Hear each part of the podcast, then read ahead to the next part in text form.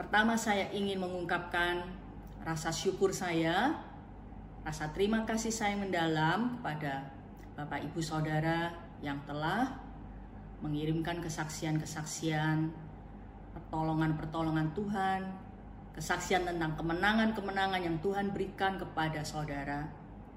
Saya rasa masih banyak lagi kesaksian yang Bapak Ibu alami, tapi belum dikirimkan ya.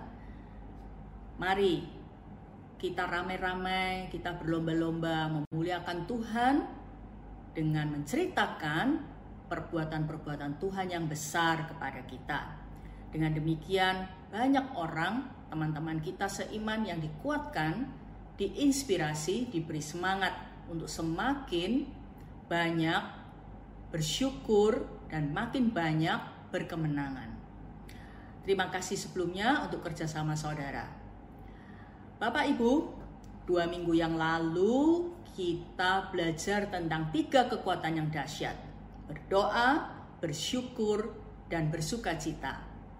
Bapak Ibu, hari ini kita akan memperdalam khusus tentang bersyukur. Karena itu, saya memberi judul khotbah saya Thank You. Semua orang telah mengerti arti kata thank you, bukan? Artinya terima kasih. Kita mau membaca di dalam 1 Timotius 6 ayat 6 dari terjemahan baru. Memang ibadah itu kalau disertai rasa cukup memberi keuntungan besar. Rasa cukup saya merahin. Di dalam terjemahan sederhana Indonesia Dikatakan seperti ini. Tetapi secara rohani kita sungguh mendapatkan kekayaan besar kalau kita merasa puas dengan apa yang kita miliki dan tetap hidup sesuai dengan kehendak Allah. Hati yang merasa puas itu yang membuat ibadah kita itu memberi keuntungan yang besar. Artinya gimana? Artinya kalau kita ini bilang kita beribadah kepada Tuhan Yesus, ya, tapi hati kita tidak pernah merasa puas, jarang merasa puas, maka hal atau ketidakpuasan kita itu membuat ibadah kita itu kurang memberikan keuntungan tidak memberikan keuntungan besar. Jadi, kita simpulkan Bapak Ibu, betapa rasa puas itu sangat penting dan sangat berdampak kepada pertumbuhan iman kita. Sangat berdampak kepada ibadah kita terhadap Bapa di surga terhadap Tuhan Yesus. Kalau kita merasa puas dengan apa yang kita miliki, kita ini secara rohani kaya, katanya TSI tadi. Secara rohani kita mendapatkan kekayaan besar kalau kita merasa puas. Bapak Ibu, banyak sekali ayat yang menyuruh kita bersyukur. Ya, di dalam Mazmur 106, 107, 118 dan banyak uh, ayat lagi yang lainnya. Kita disuruh untuk bersyukur, berterima kasih kepada Tuhan. Bapak Ibu, di dalam Mazmur 50 ayat 23, siapa yang mempersembahkan syukur sebagai korban, ia memuliakan aku. Mempersembahkan syukur sebagai korban itu memuliakan Tuhan. Ya, Rasul Paulus memperingatkan kita di dalam 1 Korintus 10 ayat 10 dan 11. Dia mengatakan seperti ini. Dan janganlah bersungut-sungut seperti yang dilakukan oleh beberapa orang dari mereka. Siapa mereka itu? Bangsa Israel, umat Israel. Sehingga mereka dibinasakan oleh malaikat maut. Ayat 11-nya, semuanya ini telah menimpa mereka sebagai contoh untuk dituliskan untuk menjadi peringatan bagi kita yang hidup pada waktu di mana zaman akhir telah tiba. Tegas dia mengatakan, jangan bersungut-sungut seperti yang dilakukan oleh bahasa Israel sehingga mereka dibinasakan oleh malaikat maut. Jangan mencontoh mereka. Kisah mereka itu menjadi peringatan bagi kita yang hidup di akhir zaman ini. Jangan sekali-sekali mencontoh bangsa Israel. Maka saya ingin membawa Bapak Ibu sekilas saja melihat kembali kejadian-kejadian apa yang Israel lakukan, yang, ala, yang mereka alami karena mereka selalu bersungut-sungut. Keluaran 15 ayat 24 di sana dikisahkan waktu mereka tiba di Mara, tidak ada air untuk diminum, mereka mengomel, mereka bersungut-sungut. Padahal baru saja mereka menyeberang Laut Merah dengan sangat ajaib dan baru saja mereka tuh merayakan kemenangan dengan menyanyi. Musa bersama e, bangsa Israel itu menyanyi. Wow, saya rasa heran membaca kisah ini. Seringkali kita juga gitu. Di gereja habis nyanyi, habis bersyukur, habis meneteskan air mata akan pertolongan Tuhan. Sampai di rumah, kita mulai bersungut-sungut lagi. Kayak bangsa Israel. Ya. Kemudian di Keluaran 16 ayat 1 sampai 2 di padang gurun Sin, ketika kelaparan mereka bersungut-sungut juga. Mereka berontak terhadap Musa. Mereka menantang Tuhan. Keluaran 17 ayat 1 sampai 3 ketika mereka haus di Rafidim, kembali lagi mereka. Apakah kamu mengirimkan kami ke sini hanya untuk mati? Tidak ada air untuk kami minum. Lebih baik kami tidak keluar dari Mesir. Nah, kembali lagi bersungut. Bilangan 11 ayat 1 dan seterusnya, mereka bersungut-sungut tentang nasib buruk dan minta diberi daging seperti di Mesir. Akibatnya murka Tuhan membinasakan mereka dengan tulah yang sangat besar. Meskipun sebelumnya Tuhan mengaruniakan keinginan mereka makan daging. Berikutnya Bapak Ibu, bilangan 13 sampai 14. Ketika mendengar laporan yang negatif dari 10 pengintai tentang tanah Kanaan, mereka kembali lagi marah-marah dan berteriak-teriak menangis, meraung-raung dan mereka berontak terhadap Tuhan dan terhadap Musa. Bersungut-sungut. Akibatnya, Tuhan tidak mengizinkan mereka masuk ke tanah perjanjian karena persungutan mereka. Di dalam bilangan 14 ayat 27 sampai 29, Bapak Ibu, berapa lama lagi Tuhan berkata, Berapa lama lagi umat yang jahat ini akan bersungut-sungut kepadaku? Segala sesuatu yang disungut-sungutkan orang Israel kepadaku telah ku dengar. Katakanlah kepada mereka, demi aku yang hidup, demikianlah firman Tuhan, bahwasanya seperti yang kamu katakan di hadapanku, demikianlah akan kulakukan kepadamu. Apa yang dikatakan mereka? Di dalam bilangan 14 ayat 2 mereka mengatakan, Ah sekiranya kami masih tetap di Mesir saja. Atau kami lebih baik mati di padang gurun ini. Itu yang mereka katakan. Tuhan bilang, aku akan melakukan persis seperti yang mereka katakan di hadapanku. Ayat 29, di padang gurun ini bangkai-bangkaimu akan berhantaran. Yakni semua orang yang di antara yakni semua orang di antara kamu yang dicatat semua tanpa terkecuali yang berumur 20 tahun ke atas karena kamu telah bersungut-sungut kepadaku. Akibat yang sangat fatal. Oleh karena itu Rasul Paulus mengatakan jangan mencontoh mereka. Jangan bersungut-sungut. Saya uh, saya lihat setiap kali mereka bersungut-sungut baik dari keluaran, bilangan, mereka selalu mengatakan bahwa keadaan di Mesir jauh lebih baik. Selalu membandingkan keadaan mereka dengan Mesir. Padahal saat mereka di Mesir diperbudak oleh bangsa Mesir, mereka berseru-seru kepada Tuhan mohon dibebaskan. Hati yang bersungut-sungut menunjukkan hati yang penuh dengan pemberontakan terhadap Tuhan. Hati yang meremehkan perbuatan Tuhan. Merendahkan kasih Tuhan. Merendahkan kuasa Tuhan. Itu adalah penghinaan kepada Tuhan. Karena itu tadi di dalam Mazmur 50 ayat 23 orang yang mengucapkan syukur, mereka tuh memuliakan aku, menghormati aku. Sebaliknya kalau bersungut-sungut kita itu menghina Tuhan, merendahkan Allah. Kayak gini aja. Mendingan hidupku yang dulu waktu belum bertobat, aku lebih makmur, aku lebih kaya, dan sebagainya.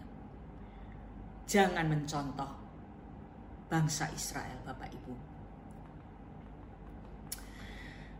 Nah, kata syukur atau rasa syukur, rasa berterima kasih, sifat ini kelihatannya seperti monopoli istilah Alkitab, istilah rohani. Padahal tidak. Nah, Bapak Ibu, saya sangat takjub kepada Alkitab, pada firman Tuhan. Mengapa? Karena riset-riset ilmiah, banyak penelitian ilmiah yang membuktikan bahwa sungguh benar apa yang Tuhan katakan, Tuhan wahyukan melalui hamba-hambanya. Kata syukur dan terima kasih dalam bahasa Inggris gratitude itu sekarang menjadi populer di kalangan sekuler, di kalangan orang-orang yang bukan Kristen, istilah itu sangat populer menjadi uh, bahan penelitian ilmiah dan menyimpulkan hasil penelitian yang sangat menakjubkan. Mereka berkata bahwa gratitude is the key to happiness. Gratitude is the key to real success.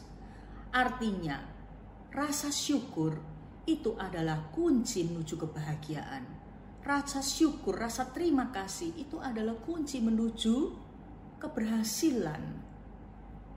Bapak Ibu, bahkan banyak sekali psikolog, profesor-profesor dalam bidang psikologi yang mengadakan riset bertahun-tahun hanya untuk menemukan bahwa rasa syukur itu adalah sesuatu yang sangat-sangat vital bagi hidup manusia. Dari segala agama, bahkan mereka mengatakan hal itu. Jadi, riset ilmiah ini meneguhkan apa yang Tuhan ajarkan beribu-ribu tahun yang lalu dan dituliskan di dalam Alkitab kita. Bapak Ibu, saya mau menunjukkan sekilas hasil riset psikologi ya yang dibuat oleh para profesor-profesor itu dan buku-bukunya sangat banyak sekali telah dicetak efek rasa syukur menurut riset psikologi. Rasa syukur itu menimbulkan hati yang bahagia. Rasa terima kasih, rasa puas dengan apa yang kita miliki dan membuat kita berterima kasih ya. Itu membuat hati kita jadi bahagia. Dan hati yang bahagia itu memberikan semangat membuat kita penuh semangat. Karena kita penuh semangat, maka kita bisa mencapai tujuan-tujuan kita. Rasa syukur menghasilkan hati yang bahagia. Hati yang bahagia membuat penuh semangat, dan dengan semangat itu kita berhasil mencapai tujuan-tujuan kita. Itulah efek rasa terima kasih atau rasa syukur. Mungkin Bapak Ibu bilang, kalau kita tuh puas dengan apa yang ada pada kita, lalu kita selalu bersyukur, ya kan? Berarti kita tuh punya mentalitas nerimo aja. Orang Jawa bilang. Berarti tidak bisa maju dong. Rasa syukur itu ternyata tidak menghambat kita untuk maju Bapak Ibu. Justru dari denah tadi, ya kan? justru membuat kita mencapai tujuan kita, berhasil. Mengapa? Karena sebaliknya, rasa syukur membuat kita punya semangat baru untuk berkreasi dan untuk mengembangkan diri. Kalau orang yang nerimo dan pasif itu justru nggak keping maju, itu karena di dalam hatinya banyak atau di dalam hatinya tidak ada rasa syukur justru merasa minder. Aku nggak bisa. Aku nggak bisa kayak temanku itu kaya. Aku nggak bisa berhasil. Aku nggak bisa maju rohaniku kayak temanku itu. Kayak gitu. Jadi bukan rasa syukur justru dalam hatinya nerimo itu. Rasa puas yang dimasukkan oleh Alkitab bukan nerimo yang pasif seperti ini. Tapi bersyukur apa yang Tuhan sudah berikan padaku puas dengan kehidupan yang Tuhan berikan, puas dengan segala yang Tuhan berikan, keluarga, harta, pendidikan, pekerjaan, anak-anak, atau apa pun saja yang Tuhan telah berikan, itu kita syukuri. Bapak Ibu, kalau kita berpikir terbalik, kita akan berpikir seperti ini. Yang biasanya kita pikirkan umumnya manusia tuh kayak gini. Aku harus berhasil dulu, baru bisa bahagia dan bersyukur. Aku harus mencapai tujuanku dulu, baru bahagia dan bersyukur. Itu cara berpikir yang terbalik kata mereka, kata para pakar psikologi ini. Atau kita berpikir seperti gini, andaikan aku lebih kaya, barulah aku bahagia dan bersyukur andaikan aku sudah menikah, barulah aku bahagia dan bersyukur. Andaikan aku berpendidikan tinggi, barulah aku bahagia dan bersyukur. Andaikan aku pelayanannya semakin meluas, semakin dikenal, gak seperti sekarang, hanya jadi PKS, hanya jadi asyir, hanya jadi WL, andaikan pelayananku semakin luas dikenal oleh orang, semakin banyak dinanti oleh orang, barulah aku bahagia dan bersyukur. Andaikan istriku pinter kerja, barulah aku bahagia dan bersyukur. Andaikan suamiku pinter cari uang, nah nggak habis-habisnya tuh. Andaikan, andaikan, itu cara berpikir yang terbalik kata mereka.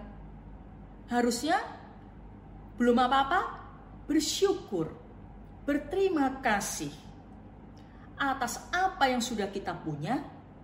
Itu menciptakan kebahagiaan, rasa tenang di hati, rasa bahagia, dan memberi semangat baru untuk mencapai tujuan dan berhasil mencapai tujuan. Itu uh, hasil dari penelitian pakar-pakar psikolog, profesor-profesor psikologi di dunia barat.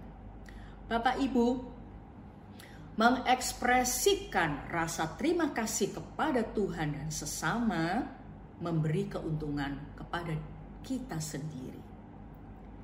Jadi, rasa terima kasih yang ada di hati itu harus kita ekspresikan kepada Tuhan. Harus sering kita, selalu kita ekspresikan kepada Tuhan.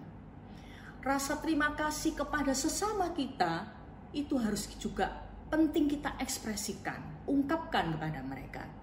Dan itu, ekspresikan itu memberi keuntungan kepada kita sendiri. Bapak Ibu, lima alasan mengapa berterima kasih menguntungkan Anda.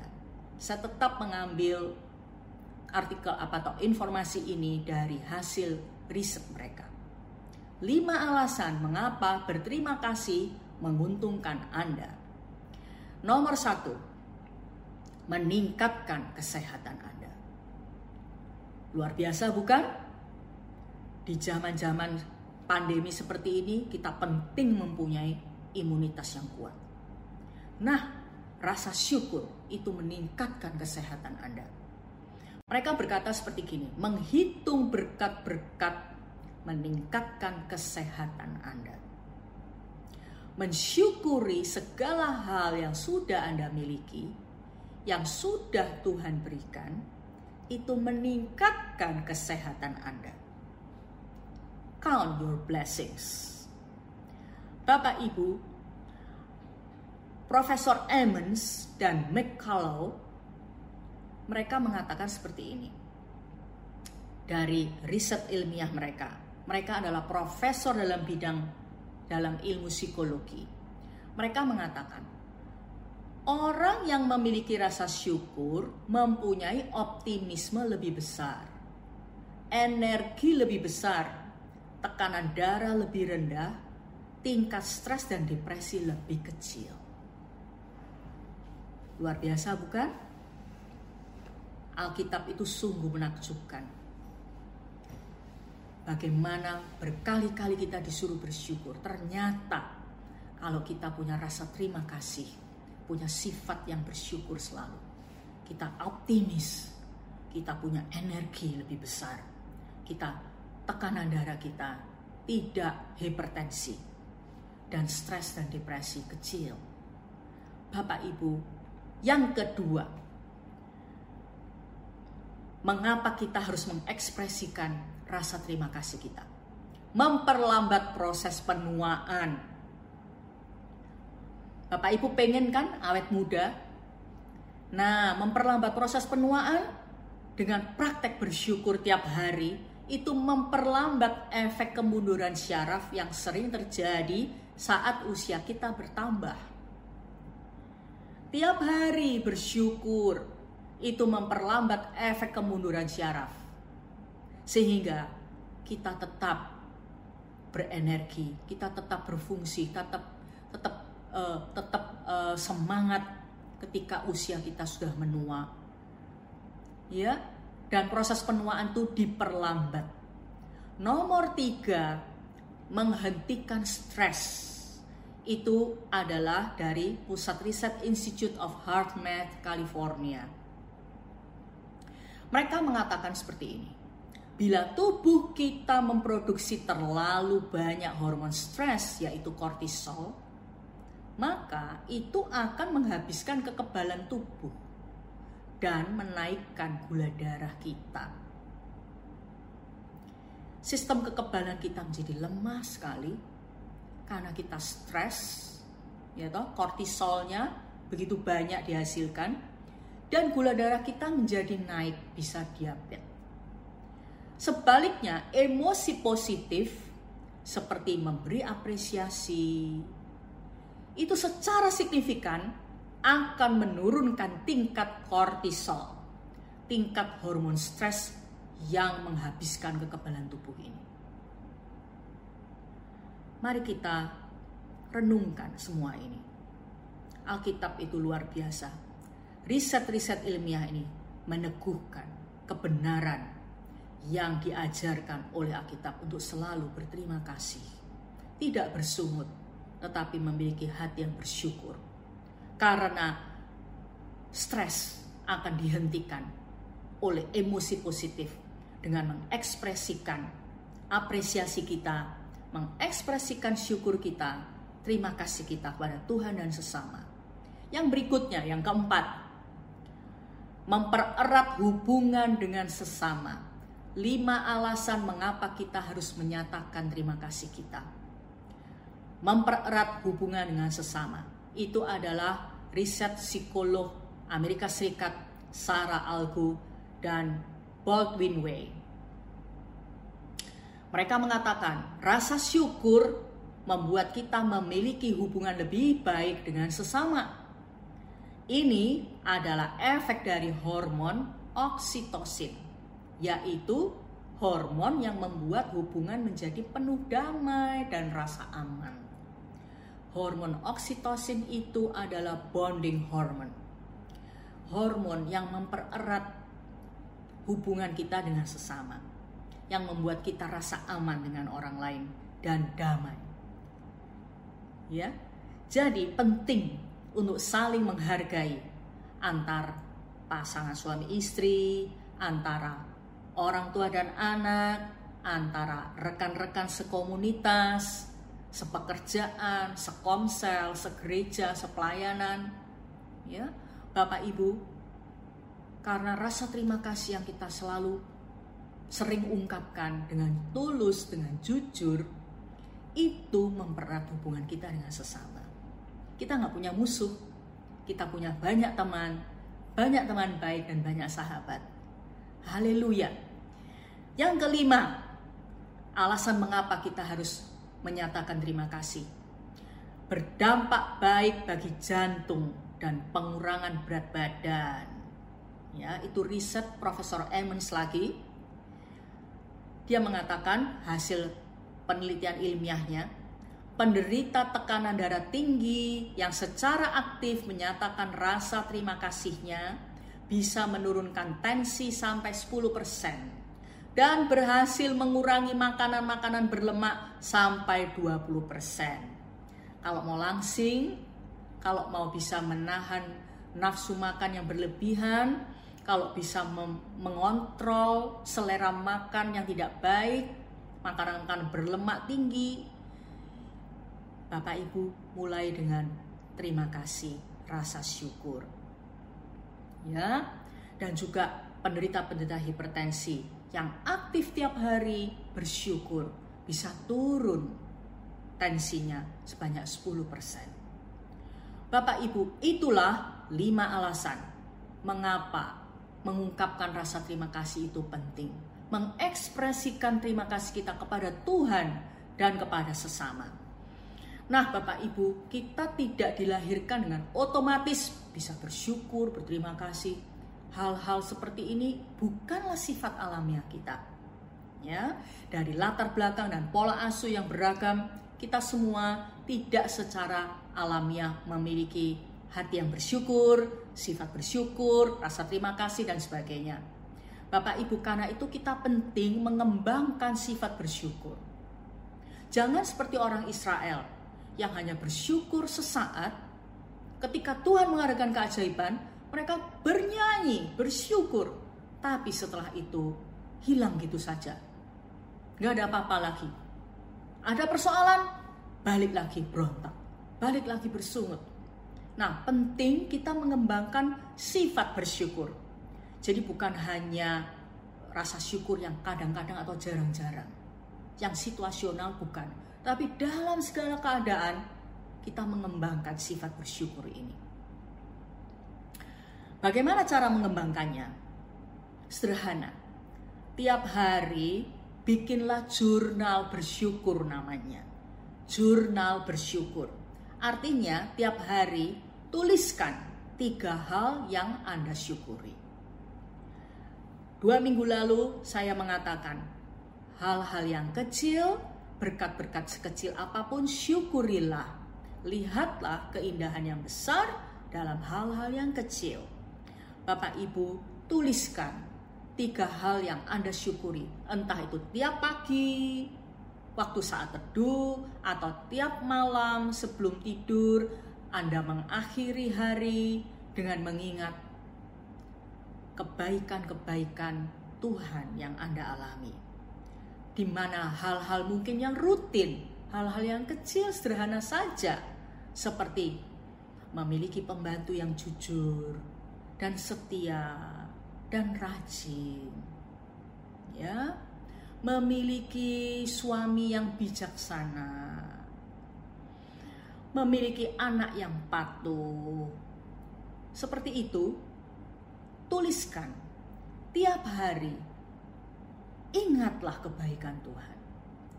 Carilah berkat-berkat Tuhan. Ingatlah berkat-berkat, hitunglah berkat-berkat Tuhan Tuliskan tiga hal yang Anda syukuri, minim tiga hal. Kata Emmons, kata Profesor Emmons, ya harus spesifik tiga hal itu karena ada manfaat dalam menuliskan secara detail, secara spesifik dan detail. Itu akan mengubah hidup Anda. Jadi dengan membuat jurnal, tiga hal yang Anda syukuri minim, detail, spesifik, Oke, itu akan mengubah hidup saudara. Nah, kalau saudara tertarik untuk membuat jurnal yang lebih lengkap, yang bukan hanya tiga hal saja ditulis, hubungi saya melalui WA, melalui HP, melalui telepon. Nanti saya akan kasih tahu situs-situs mana yang baik yang bisa memberikan Anda uh, cara-cara ataupun pertanyaan-pertanyaan yang menarik yang membuat saudara bisa menuliskan hal-hal yang harus Anda syukuri. Tapi di sini kayaknya nggak tepat kalau saya mengatakan itu. Ya, jadi hubungi saya secara pribadi kalau pengen membuat jurnal syukur yang lebih lengkap yang membuat saudara terinspirasi dan membuat saudara menjadi berhasil menjadi orang yang bersyukur dan mengubah hidup saudara. Bapak Ibu, sebelum saya berkhotbah hari ini, saya telah menerjemahkan sebuah kuesioner rasa syukur dari situs spirituallyhungry.com. Situs Kristen yang baik sekali. Kuesioner rasa syukur ini akan menolong kita tahu apakah sudah mempunyai sifat bersyukur atau belum. Kadang-kadang kita merasa aku udah udah bersyukur kok. Aku nih orangnya suka bersyukur kok. Ya, mungkin Bapak Ibu bilang seperti itu. Tapi kuesioner rasa syukur ini akan menolong Bapak Ibu ya, hanya 10 pertanyaan saja bisa menyadari, menolong. Betul-betul aku ini sudah bersyukur atau belum ya? Gitu. Dan yang kedua, bisa memberitahu kita aspek-aspek bersyukur dan belajar melakukannya. Bersyukur tuh aspek aspek-aspeknya apa aja, segi-seginya, sisi-sisinya apa aja. Dan kita bisa belajar melakukan segi-segi atau sisi-sisi lain dari bersyukur yang telah kita tahu. Karena itu, saya akan membagikan kuesioner rasa bersyukur ini saya akan mengirimkan melalui WhatsApp, melalui WA, di grup-grup yang Kristen ada di WA itu dan para PKS saya minta tolong bantuannya untuk membagikan secepatnya kepada seluruh anggota Komsel. Kemudian juga para PA, para e, pemimpin rakor, semua jemaat juga anggota Komsel membagikan sebanyak-banyaknya kepada teman-teman saudara yang mungkin uh, tidak punya HP atau tidak bisa lihat kuesioner ini mungkin bisa diprintkan gitu ya. Juga yang tidak komsel mungkin uh, tidak bisa dikirimi mungkin uh, saudara ingat siapa mereka kasih kuesioner rasa syukur ini. Nggak panjang cuma 10 pertanyaan saja dan itu bisa membuat kita belajar untuk miliki hati yang bersyukur untuk menyadari apakah kita sudah atau belum bersyukur. Pada akhirnya, saya mau kita membaca lagi di dalam 1 Timotius 6 ayat 6 dari TSI. Tetapi secara rohani kita sungguh mendapatkan kekayaan besar kalau kita merasa puas dengan apa yang kita miliki dan tetap hidup sesuai dengan kehendak Allah. Ibadah saudara kepada Yesus akan sangat bermanfaat, akan sangat memberi keuntungan yang besar ketika saudara merasa puas dengan apa yang sudah Tuhan berikan. Bukan selalu fokus dengan apa yang belum saudara miliki, yang orang lain sudah, sehingga selalu menggerutu, bersungut-sungut. Jangan mencontoh bangsa Israel.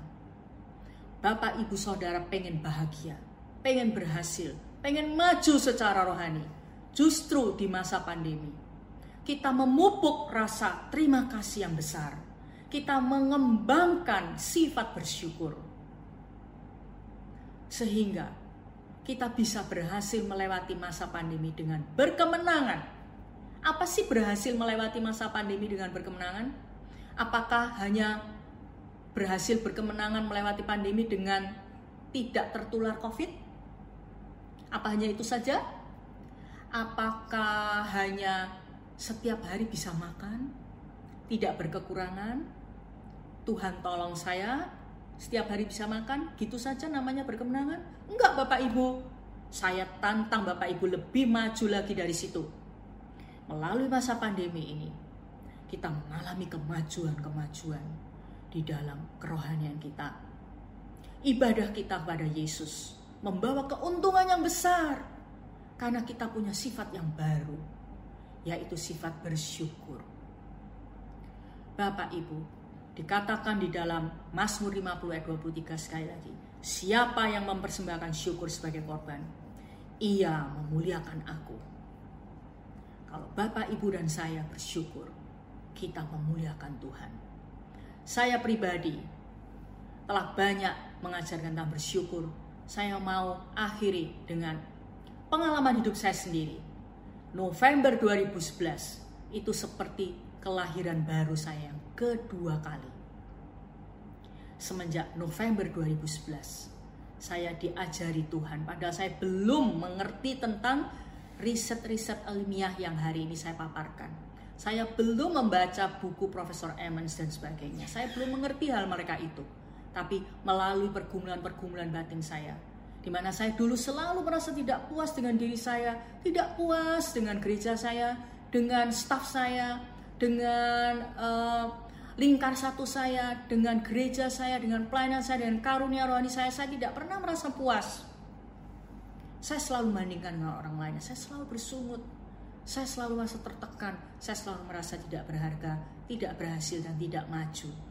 Saya berusaha dan dengan begitu keras untuk berhasil, untuk maju, tapi selalu tidak maju dan tidak berhasil. Selalu dikurung dengan rasa gagal. Kenapa? Karena saya tidak bersyukur. Tetapi sejak November 2011, saya mengalami perubahan yang total. Saya menjadi orang yang seperti dilahirkan baru kedua kalinya. Dengan apa? Serhana. Menulis tiap hari tiga hal. Minim tiga hal yang saya syukuri. Hal-hal sederhana, hal-hal rutin, hal-hal kecil saya syukuri dan itu membuat saya berubah. Melihat hidup ini berbeda. Melihat Tuhan, gereja, dan diri saya, dan staf saya, dan sekeliling saya, pelayanan saya berbeda luar biasa. Semenjak itu saya melatih diri saya terus menerus untuk memiliki sifat bersyukur. Dan hari ini saya boleh berkata, yang dikatakan oleh Profesor Emmons itu betul. Rasa syukur membuat jurnal tiap hari spesifik dan detail itu mengubah hidup saya. Bapak Ibu, saya pengen mengajak Bapak Ibu semuanya menjadi orang yang memuliakan Tuhan, mengekspresikan syukur kita pada Tuhan, kepada sesama, dan mengalami kemajuan-kemajuan, perkembangan-perkembangan yang signifikan. Orang bisa melihat siapa Tuhan yang kita sembah, siapa kita sebagai pengikut Yesus, sehingga mereka tertarik menjadi murid Yesus juga. Bapak Ibu, kiranya Tuhan memampukan kita semuanya, memampukan Bapak Ibu Saudara untuk menjadi orang yang bersyukur senantiasa. Kekuatan yang dahsyat yang mengubah hidup saudara. Sebelum saya mengakhiri dengan doa, saya pengen juga mengajak Bapak Ibu berdoa ya untuk tiga pokok doa yaitu Tuhan memberi hikmat kepada Presiden Jokowi dan para menteri dalam mengambil keputusan-keputusan penting terkait penanganan COVID-19 dan dampak ekonominya. Kalau membaca di koran, kita bisa tahu betapa pemerintah sungguh kebingungan, sungguh membutuhkan hikmat dari Tuhan. Antara kesehatan dengan perekonomian yang mana yang harus didahulukan. Seperti makan buah simalakama. Tapi mari kita berdoa untuk mereka. Yang kedua, kita berdoa supaya pemerintah pusat dan pemerintah daerah dapat berkoordinasi dengan baik dalam menyalurkan bantuan kepada masyarakat yang terdampak pandemi virus COVID agar tidak tumpang tindih dan tepat sasaran. Yang ketiga, Roh Kudus mengurapi para pemimpin dan PKS dalam membangun kegerakan pemuridan sehingga jemaat Kristus Pencipta bertumbuh dalam pengenalan akan Bapa dan menjadi saksi bagi sekelilingnya. Mari kita berdoa bersama-sama. Bapa di surga, kami bersyukur untuk firman-Mu yang mengajar kami untuk memiliki sifat yang bersyukur. Bapa, kami mau belajar terus hari demi hari. Berterima kasih dan mengekspresikan terima kasih kami kepadamu. Dan juga kepada sesama yang Tuhan pakai untuk memberkati kami. Bapa di surga, jauhkan dari hati kami sungut-sungut, gerutu, omelan-omelan yang tidak menyenangkan Engkau. Kami mau minta kasih karunia yang memampukan kami untuk kami senantiasa memupuk hati yang bersyukur kepadamu. Mengapresiasi orang-orang yang telah memberi dan berbuat baik kepada kami. Mengapresiasi sesama kami. Terima kasih Bapak. Sekarang kami mau berdoa untuk pemerintah kami, presiden dan para menteri. Berilah hikmat kepada mereka untuk mengambil keputusan-keputusan penting yang tepat terkait penanganan COVID dan dampak ekonominya. Memang serba salah harus bagaimana mengambil keputusan tepat. Tapi engkau menuntun mereka, engkau memimpin dan memberikan hikmat pada mereka. Bapak kami juga berdoa agar pemerintah pusat dan daerah berkoordinasi dengan baik dan bantuan-bantuan dari pemerintah bisa tepat sasaran kepada masyarakat yang membutuhkan, tidak dikorupsi, dan tidak tumpang tindih, tidak jatuh kepada keluarga yang tidak membutuhkan, tapi kepada orang-orang yang justru membutuhkannya. Terima kasih Bapak, berikan hati nurani kepada mereka yang bertugas menyalurkan, agar mereka tidak mengkorupsi bantuan-bantuan itu Terima kasih Bapa di surga, kami menyerahkan bangsa kami dengan kebutuhan yang sangat banyak. Hanya Engkau menjadi andalan kami ya Bapa. Kami sekarang mau berdoa agar para pemimpinan PKS Engkau urapi, Engkau sertai, beri hatimu pada jiwa-jiwa agar kegerakan pemuritan berjalan dengan baik sehingga semua jemaat Kristus pencipta dalam masa pandemi ini semakin mengenal Bapa semakin menjadi saksi Kristus bagi sekeliling kami. Kami mau berdoa, kami lemah, kami berpenuh kekurangan, kami membutuhkan Engkau Bapa di surga, membutuhkan Roh Kudus untuk mengurapi kami semuanya. Terima kasih Bapa di surga.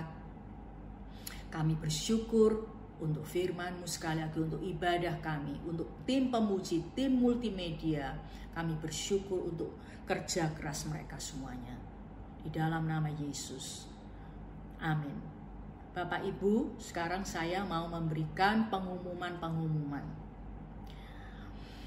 Kuesioner rasa syukur akan saya kirimkan melalui WA. Mohon para PKS meneruskan ke semua anggota komselnya. Saya mau ulangi sekali lagi supaya jangan lupa. Saya mau menanamkan suatu hal. Tujuan dari memperdalam khotbah minggu di komsel maupun di pemuritan one on one. Bahwa tujuan PKS dan pemurid memperdalam khotbah minggu adalah supaya kita semua menjadi murid Yesus yang melakukan firman Tuhan. Bapak Ibu, di Matius 7 ayat 21 dan seterusnya, Tuhan tuh mengusir orang-orang tuh yang pelayanannya hebat tapi nggak melakukan kehendak Tuhan kalau kita jadi pengikut Yesus yang tidak melakukan firman Tuhan itu bisa fatal. Tuhan tidak menginginkan kita banyak pengetahuan tentang firman. Kok banyak pendeta-pendeta besar semua kita sudah pernah dengar. Tapi Tuhan tuh yang paling penting bagi kita Tuhan tuh melihat kita tuh melakukan enggak khotbah yang sederhana yang eh, tidak terlalu bagus kayak gimana tapi kita lakukan dengan tekun itu yang lebih penting dari semuanya. Yakobus 1 mengatakan, kita akan menjadi berbahagia ketika kita bertekun melakukan firman Tuhan, bukan hanya pendengar saja. Jadi Bapak Ibu, tujuannya diperdalam di komsel, di pemuritan waknon itu bukan diulangi khotbahnya supaya jadi bosan, enggak. Tapi supaya menolong kita semuanya untuk menyadari Apakah kita sudah berhasil melakukan? Kalau kita belum, apa yang harus kita bisa lakukan, teman-teman bisa lakukan untuk bantu kita, nasihat-nasihat, doain, supaya kita bisa melakukan. Bapak Ibu, Saya minta para PKS dan PA konsisten melakukan hal ini, para pemurid juga, karena tujuannya adalah baik. Ya, Bapak Ibu, seperti itu. Nah, mulai bulan Mei ini pengumuman yang ketiga, mulai bulan Mei ini juga GBI Kristus Pencipta akan memulai broadcast ya, menyiarkan kepada seluruh jemaat materi-materi dan tips-tips praktis untuk memberikan informasi yang benar pada masa PSBB ini. Dari nomor WA 0819 1767 6373, Bapak Ibu akan dikirimin materi-materi tips-tips harian yang menarik yang menolong Bapak Ibu untuk bisa mengelola keuangan, bisa mendidik anak, bisa mm, menjalin hubungan dengan keluarga, bisa uh, memuridkan dengan lebih baik dan seterusnya dan seterusnya. Banyak sekali topik yang akan dikirimkan oleh tim media kita di Kristus Pencipta. Tolong Bapak Ibu terima dan manfaatkan, dibaca, didengerin dengan baik dan dilakukan. Saya mau umumkan yang berikutnya. Saya mau ajak Bapak Ibu untuk beribadah online bersama tiap hari Minggu pukul 11 Bapak Ibu, saya tahu di rumah ibadah mau jam berapa aja kan boleh kan? Mau hari apa aja. Tapi mari kita pupuk rasa disiplin dan kesetiaan untuk beribadah supaya kita bersama-sama ibadah pukul 11 setiap minggu sehingga ada rasa kedisiplinan. Itu membantu kita untuk terbiasa hari Minggu mencari Tuhan. Enggak kerja, nggak nggak pergi ke mana-mana tapi di rumah bersama keluarga beribadah pukul 11 itu akan membentuk disiplin yang baik sehingga selesai pandemi kita akan terus seperti itu dan saya dengar ada jemaat tuh yang ibadah online seenaknya sendiri setengah sudah selesai ataupun ya sambil ngantuk-ngantuk atau nggak sungguh-sungguh nah itu kurang baik Bapak Ibu. Mari kita beribadah sungguh-sungguh secara online. Memang secara online tapi dengan hati yang sungguh-sungguh. Dan yang terakhir, jangan lupa berdoa dengan iman yang menerobos semua penghalang dengan kuasa Allah sehingga kehendak Allah yang terbaik terjadi buat kota Surabaya dan buat bangsa Indonesia. Pokok doa dan pelaksanaannya tolong menghubungi PKS. Saya harap sudah minggu keberapa setelah pengumuman yang lalu, Bapak Ibu udah rajin berdoa di tempat, di rumah, ataupun doa keliling bagi kota dan bangsa. Bapak Ibu itulah pengumuman-pengumuman yang bisa saya sampaikan hari ini. Dan mari kita berdoa, bersyukur bersama-sama untuk ibadah kita hari ini. Tuhan, Engkau memberkati jemaat Kristus pencipta dengan berkat dari Bapa, Putra, dan Roh Kudus. Bapa di surga, biarlah Roh Kudus mengurapi kami semuanya menjadi saksi Kristus di rumah, di antara tetangga, di tempat kerja, di mana pun kami berada. Terima kasih Bapa, di dalam nama Yesus, Tuhan memberkati jemaatmu. Amin.